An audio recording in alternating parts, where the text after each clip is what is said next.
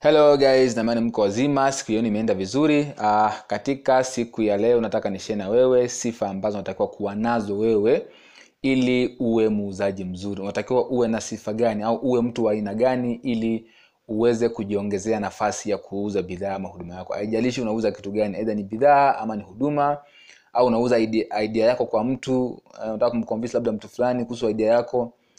Kwa hiyo unapouza chochote lazima kuna sifa ambazo lazima uwe nazo. Wauzaji wote wanakuwa na sifa hizi na ndio maana wanafanikiwa kwa hiyo nitakutajia sifa kuu tano ambazo lazima uwe nazo kichwani popote uendapo. Na ukiamini katika, katika vitu hivi lazima utakuwa na nafasi kubwa sana ya kujiongezea mauzo ya bidhaa ama huduma yako. Uh, kitu cha kwanza kabisa tunasema kwamba lazima uwe radhi kuambiwa no mara nyingi zaidi tony robbins uh, mtaalamu uh, mtaalamu wa mauzo duniani aliuliza kwamba ni, ni, ni, ni, ni siri gani ambayo amekufanya mpaka uwe hapa na wewe sasa ni mtu mkubwa duniani? Eh, ni sifa gani ambayo amekufanya wewe uwe muuzaji mkubwa maarufu duniani? Alisema kwamba kwa sababu ni, ni, ni- niko, niko, niko tayari kuambiwa no nyingi kuliko yes. You see? Yani yuko tayari kuambiwa hapana mara nyingi zaidi kuliko yes. Ameambiwa hapana nyingi kuliko ndio ndio maana akafika hapo. You see? Kwa hiyo ukiambiwa no na mteja isikukatisha tamaa. Tafuta kitu ambacho kita- kitamfanya mteja huyo aseme ndio. You see? Kwa hiyo kuambiwa no ni mwanzo wa kuwa interested na mteja huyo, na mteja huyo. Kwa sababu mteja hajakukataa wewe amekataa ofa yako amekataa kile unachokiuza aidha ni bidhaa na huduma. Kwa hiyo usichukulie person mteja akikataa bidhaa ama huduma yako hajakukataa wewe. Ila badilisha approach. Labda kuna kitu hujagusa ndio maana amekataa lakini anza upya tena engineer your presentation. Anza upya tena ku- ku- kupresent bidhaa huduma yako kwa mara nyingine ili ujiongezee uwezekano mteja wako kusema ndio. Kwa hiyo usiwe disappointed na, na, na, na jibu hapana au jibu no. Jibu no ni, ni sifa moja ya mteja kuwa interested na ofa yako. Ndio maana nakwambia no ili ajue zaidi kile ambacho anakiuza na apate nafasi ya, ya, ya wewe kumwambia zaidi vile ambavyo anataka kuvijua. Kwa hiyo kuambiwa no ni ishara ya mteja kuwa interested na bidhaa ama huduma yako na sio jibu kama jibu. Kwa hiyo usichukulie no personal hapana. Chukulia kama kama kama ni mlango wa mteja kutaka kujua zaidi kile ambacho anakiuza. Kwa hiyo muongezee zaidi mwambie zaidi sifa za bidhaa huduma yako mwambie faida ambazo azipata mwambie kila kitu kuhusu bidhaa yako. Kwa hiyo ili muongezee nafasi ya kusema ndio badala ya no. Hiyo sifa ya kwanza. Sifa ya pili omba kuuliza. Always ask for the order. Wauzaji wengi sana huwa wana, wana, wana, wanasema sometimes ili mtu anunue lazima uombe kuuza zaidi ya mara tano. Ila wauzaji wengi sana uh, wanasema kwamba zaidi ya asilimia sabini na tatu ya wauzaji wengi hawaombi kuuza wanaishia njiani.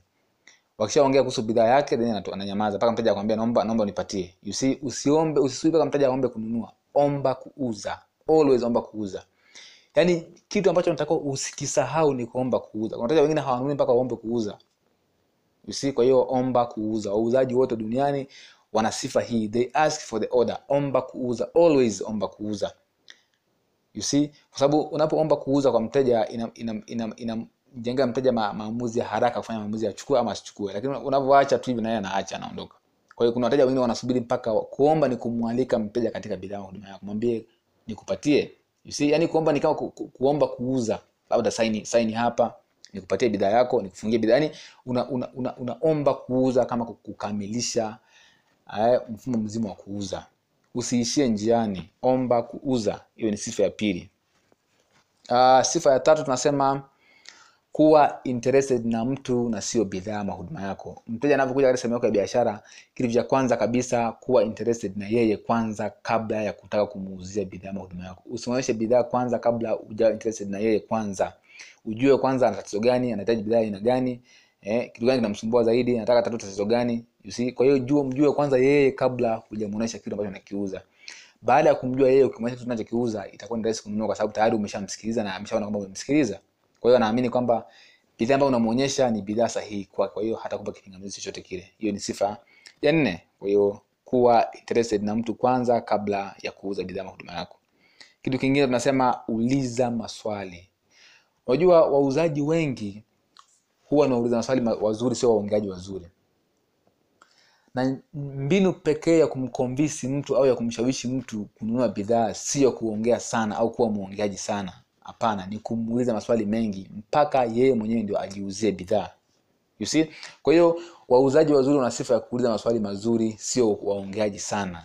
Wao wana nafasi ya kufanya eh, wanauliza maswali zaidi ili mteja ajiuzie mwenyewe bidhaa ama huduma bila wewe kuuza kazi yako wewe sio kuuza kazi yako ni kumsaidia mteja wako kufanya maamuzi ya kununua bidhaa ama huduma kwa kumuuliza maswali mengi ambayo ni sahihi ambayo yatamdirect aone kwamba bidhaa yako ndio, ndio utatuzi wa tatizo lake au bidhaa yako ndio kile ambacho alikuwa anakihitaji ili atatue tatizo lake basi That's it. Kwa hiyo kuwa muuliza maswali mzuri zaidi na msikilizaji mzuri zaidi kuliko mwongeaji. Uliza maswali zaidi then sikiliza zaidi kuliko muonge. Waongeaji wengi unashangaa unaongea vitu ambavyo mteja havihitaji, lakini ukisikiliza zaidi na ukauliza maswali zaidi utapata nafasi ya kujua mteja anahitaji kitu gani na upresent vipi bidhaa kulingana na uhitaji wake. Kwa hiyo inakuwa rahisi sana kuuza bidhaa na huduma. Kwa hiyo wauzaji wengi maarufu, sifa yao kubwa ni wauliza maswali wazuri.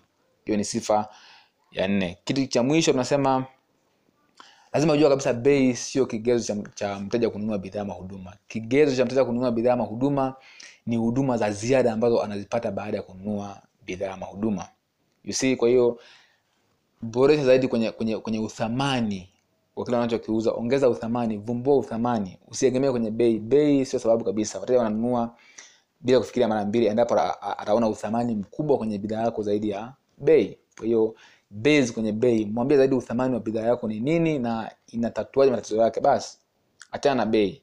Kwa hiyo focus kwenye huduma za ziada na sio bei. Focus kwenye kuv- kuvumbua uthamani wa kile unachokiuza na sio bei ya bidhaa ama huduma. Hivyo tukifocus hapo utauza sana bidhaa yako na utakuja kunishukuru uh, leo nitaka nikupa tu sifa tano za wauzaji bora duniani.